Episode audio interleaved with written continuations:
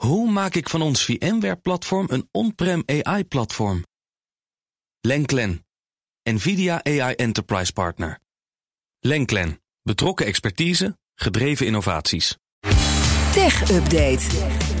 Met Jo van Buurik. Straks in de schaal van hebben we, gaan we weer eens lekker gamen. Ja, leuk hè? Op een nieuwerwetse manier. Ja, jij dacht, Bas is er niet. Ik grijp mijn kans. Meindert is ook gamer, dat helpt mee. Maar La- laat, laten we snel even wat Ja. eh, technieuws doen. Dan kunnen we lekker snel gaan gamen.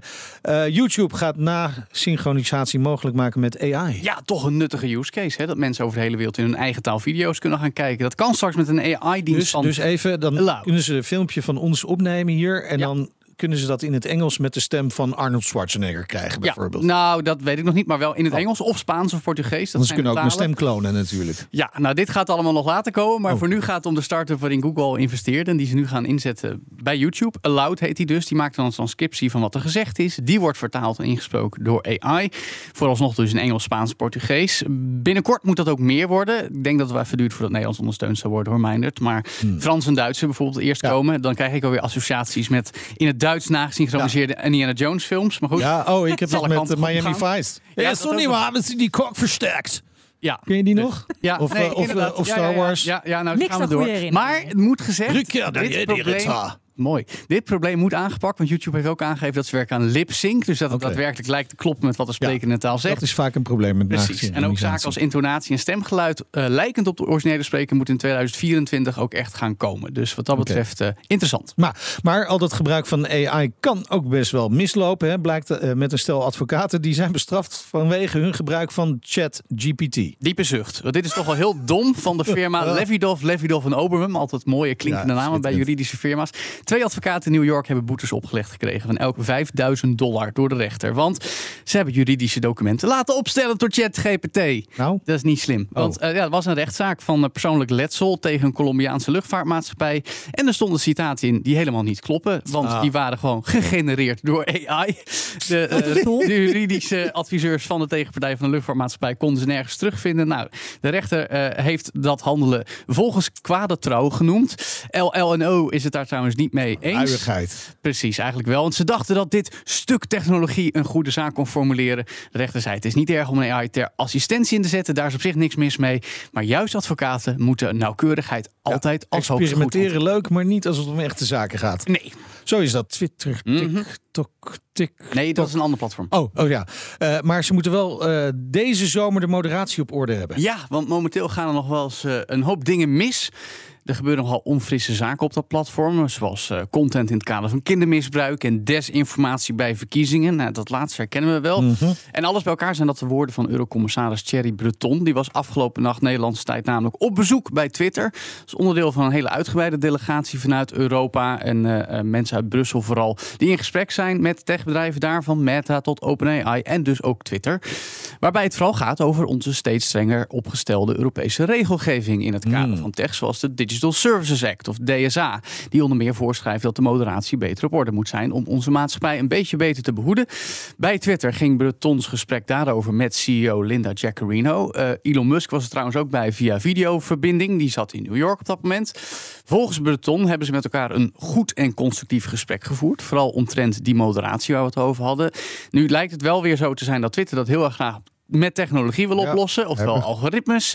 Maar dat proberen social media platforms al jaren. En eigenlijk werkt het nooit echt heel goed om te zorgen dat er nou echt eh, schadelijke content van de platforms geweerd wordt. Dus gewoon weer 200 man aannemen. Ja, Dat is de oplossing. Nou, nu, dat is overigens ook een drama, want dat soort mensen krijgen echt trauma's bij het leven. Ja, dat is dan weer een ander gesprek. In elk geval zegt Breton dat ze bij Twitter echt wel genoeg middelen hebben om het gewoon goed te regelen. Nou, als het dan maar met mensen moet, dan moet het met mensen. Met algoritmes is in ieder geval geen oplossing.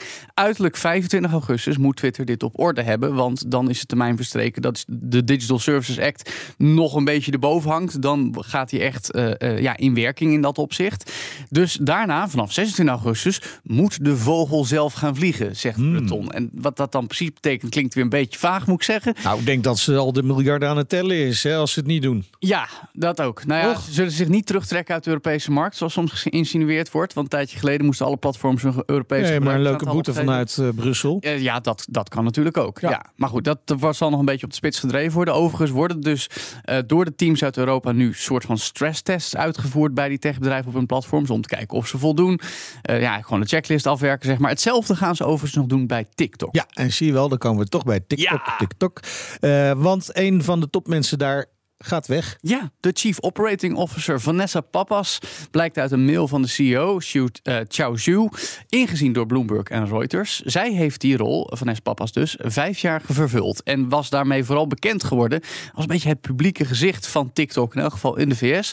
Was ook degene die het meest de kritische senaatsvragen moest beantwoorden in diverse hoorzittingen, onder meer afgelopen september.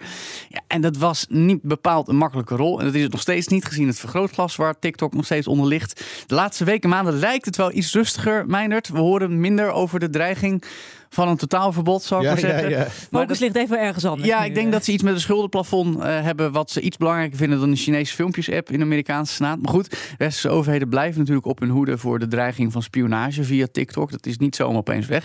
Papa's gaat in ieder geval nog wel even door in een adviserende rol. Maar ja, we weten hoe dat gaat. hè. Als je Ja. richting de achterdeur gaat, dan dan ga je er op een gegeven moment ook wel doorheen. Ehm, er wordt ook wat geschoven met rollen om haar vertrek op te vangen bij TikTok. Als onderdeel daarvan komt de oud-communicatiebaas van Disney. Die heet Zinnia Mucha naar TikTok als Chief Brand and Communications. En dan vraag ik me toch altijd wel weer af... hoe weten mensen zichzelf iedere keer weer te strikken voor zulke rollen? Nou, wat dacht je met heel veel geld? Oh ja, Ja. ja. nee, dat is waar. Ja, nou oké, opgelost. Eh, dan nog even naar misschien wel de tech-rechtszaak van het jaar. Want de zaak van de Amerikaanse marktwaakhond versus eh, Microsoft is officieel van start gegaan. Gaat Ja. allemaal over De overname Activision van Blizzard. Bijna 70 miljard. Voor het be- gamebedrijf van onder meer Call of Duty. Mag het nou wel of niet? Nou, medio komende week moeten we dat toch min of meer gaan weten. Want de eerste van vijf zittingsdagen was afgelopen nacht Nederlandse tijd. Eh, tussen het slapen door heb ik wat live vlogs gevolgd. Eh, Microsoft en de Federal Trade Commission staan inderdaad voor de federale rechten in San Francisco. En er zijn wat zaken uit die eerste zittingsdag die wel opvallen. Onder meer dat de topman van Sony PlayStation, Jim Ryan, in eerste instantie helemaal niet zo bezorgd was over die deal. Toen die anderhalf jaar geleden werd aangekondigd. Toen zei hij tegen zijn overste, nou die Call of Duty games van Activision Blizzard, die blijven juist gewoon ook op onze spelcomputer uitkomen. En dat geeft te denken waarom Sony er juist later wel zo'n punt van is gaan maken. Dat is nog niet helemaal helder. Bovendien zegt Microsoft dat ook als het dat soort games zoals Call of Duty voor zichzelf zou gaan houden, PlayStation nog steeds meer mondiaal marktaandeel behoudt. Hoe die berekening werkt, weet ik niet helemaal. Maar op het moment is de verhouding een beetje 70% Sony, 30% Microsoft. Ja. Heel ruwweg gezegd. En ondanks dat Microsoft waarborgen biedt en zegt, nou die games die gaan blijven ook voor andere platforms eh, komen de komende 10 jaar, is de FTC niet overtuigd. Die zeggen, eh, ook met de overname van ZeniMax in 2021, die maken onder meer een Indiana Jones game die nog uit moet komen. Die gaan jullie alleen nog maar op de Xbox en de PC brengen. Dus Ah, ja. zie, jullie zijn al bezig en met Activision Blizzard wordt het nog erger. Nou ja, de komende dagen, in ieder geval vandaag gaan we het ook horen. Dan komt de Microsoft Game topman Phil Spencer in de rechtszaak eh, aan bod. Eh, dus ik ben benieuwd wat ik na het weekend weer allemaal mag gaan vertellen hierover. Ja, nee, maar het is natuurlijk wel interessant. Want het zou kunnen betekenen dat je bijvoorbeeld, hè, als je het even ver- vergelijkt met een andere markt, dat je alleen nog maar Netflix kunt kijken op een Philips televisie. Eh, ja, Bijvoorbeeld. ja dat, nou ja, min of meer zou het daarop neerkomen inderdaad. Of een bepaalde series. Nou, dat gebeurt natuurlijk al afhankelijk van En deals. Microsoft heeft dat in het verleden natuurlijk al wel eerder gedaan ook, met ja, eh, ja. allerlei systemen. Tijd voor, De schaal van hebben. ja, voor de draad ermee. Er zit ook een draad aan. Ja, die hebben we er alleen even in gestopt om eh, Ja, te kunnen laten horen zo. Oh ja, wat heb je meegenomen? Eh, Dit is een draagbare spelcomputer. Of ja, eigenlijk een draagbare PC met een scherm, joysticks, knoppen. Dit is de Asus. Jij bent ook gelijk aan het spelen. Ja, Laten we nou gewoon eerst even uitleggen wat Nee het is. joh, hou op. Dit is dus de Asus ROG, wat staat voor Republic of Gamers Ally. Dat merk kun je ook kennen van gaming laptops. Maar deze is dus nog een stuk draagbaarder. Ja.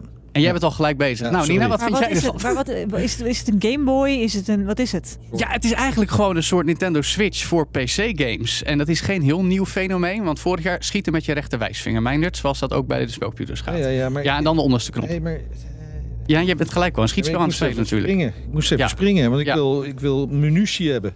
Maar je kan Dus- dus je kan alle spellen erop spelen. Je kan alles wat je op een PC kan spelen, kun je hierop spelen. Eh, het heeft gewoon Windows, moet ik zeggen. Eh, dus het werkt ook met heel veel games.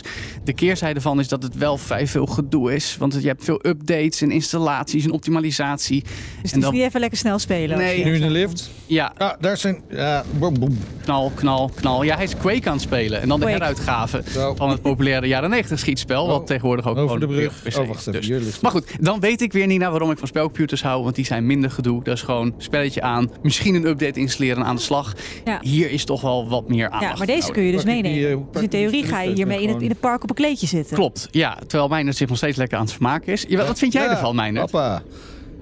Het, eh, eh, ik vind eh, de graphics van dit spel vind ik niet geweldig. Ja, nee, maar dit is een jaren 90 game. Ik heb even iets wat jij in je studententijd speelde erbij gepakt. Oh, Voor je... nee, maar goed, even, nee, maar- even, sorry. Ja, Ja, hallo. Hoe vind je hem in de Even hand Nou, best oké. ja. Ja, hè? Eh, dat vind ik Oh, dus ook wel oh, fijn. oh. Hij is lekker aan het knallen, die Hij is best groot. hè? Hij is vrij fors, maar wel. ik vind 1,80 hem... meter, valt wel mee. Ja, Nee, ja, nee. ja, ja. Mooi. Eh, maar ik vind hem best fijn in de hand liggen, die eh, Asus ROG Ally. Hij is niet te zwaar. Full HD-scherm met hoge beeldverversing, 120 hertz. En hij is behoorlijk krachtig. Hier een nucleair ding staan, zal ik eens op schieten? Ja, dat is niet de Asus, maar dat is je wapen dus. Eh, Nee. Maar goed, in theorie Ja, twee keer zo sterk. Dat moet je niet doen. Als er een nucleair dingetje op staat, moet je Zal ik niet even mijn verhaal afmaken? Ja, ja, is goed. In theorie twee keer zo sterk als de belangrijkste concurrent. Dat is de Steam. Deck. Die bestaat al wat langer. Eh, daar kun je ook games best mooi op spelen. Ja. Maar deze kan het nog net iets mooier. Oh, Nadeel is wel... Dit is echt Ga niet te gewoon doen. door. hè. Ga gewoon, negeer die gast. Zet nadeel is microfoon wel- uit. Kan zijn microfoon uit? Dat, Nee, dat joh. kan ook nog. Nee. Ja, dank. Mooi dit. Nadeel is wel dat de accu zo leeg is. Als jij een spel speelt met hoge instellingen, is hij binnen drie kwartier leeg. Binnen drie kwartier. Drie kwartier. Ja, Snel, nee, dan heb je het einde van een spel nog niet gehaald. Maar goed, zet je de instellingen wat lager of speel je een wat eenvoudiger spel, dan gaat hij wel een paar uur mee. Je kan vrij gemakkelijk wisselen tussen verschillende configuraties qua rekenkracht en weergave. En wat vind jij van de graphics? Ja, top. Dit is, als jij games op de PC overal wil spelen, dan moet je dit ding eigenlijk hebben. Alleen, ja, het, het, je moet wel een beetje plannen hoe je het gaat doen, zeg maar, qua accu of qua instellingen. Meijnerd is dood. Ja, nou, maar goed ook. Maar goed, eh, wat vind jij ervan, Meindert? Zou je het willen hebben? Want jij bent best een beetje PC-gamer stiekem. Eh, nou, ik ben meer eh, PlayStation game, gamer. Maar Ja. eh, nee, het is wel leuk dit. Ja. Dit is leuk voor op vakantie, joh. Ja, het, het kost alleen wel bijna net zoveel als je vakantie.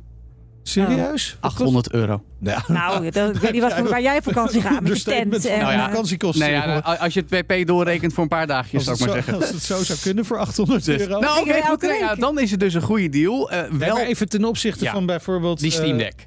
De Steam Deck is de, is de concurrent en die is de helft goedkoper. Dat moet gezegd. ik dacht eigenlijk de Nintendo Switch. Ja, maar die goed. is nog veel goedkoper, maar Ja, dat is niet te Die vergelijken. hebben we al thuis. Ja, en dat, is, mm, dat komt er niet bij in de buurt. En dan kun je geen PC-games op spelen. Kijk, ik vind het gebruiksgemak van zo'n... eh, ja, haal de kabel er maar gewoon uit hoor. Oh. Het gebruiksgemak van zo'n spelcomputer, dat heb ik liever persoonlijk. Ja. Maar als je echt die PC-games wil spelen, dan heb je voor dit geld geen gaming-PC of laptop. En dan is dit best een goede optie. Ja. Het is Dus- echt gewoon een gigantische uit de kluiten gewassen Gameboy. Ja, dat klopt. Maar je kan er wel toffe dingen mee doen. Dus ik zeg...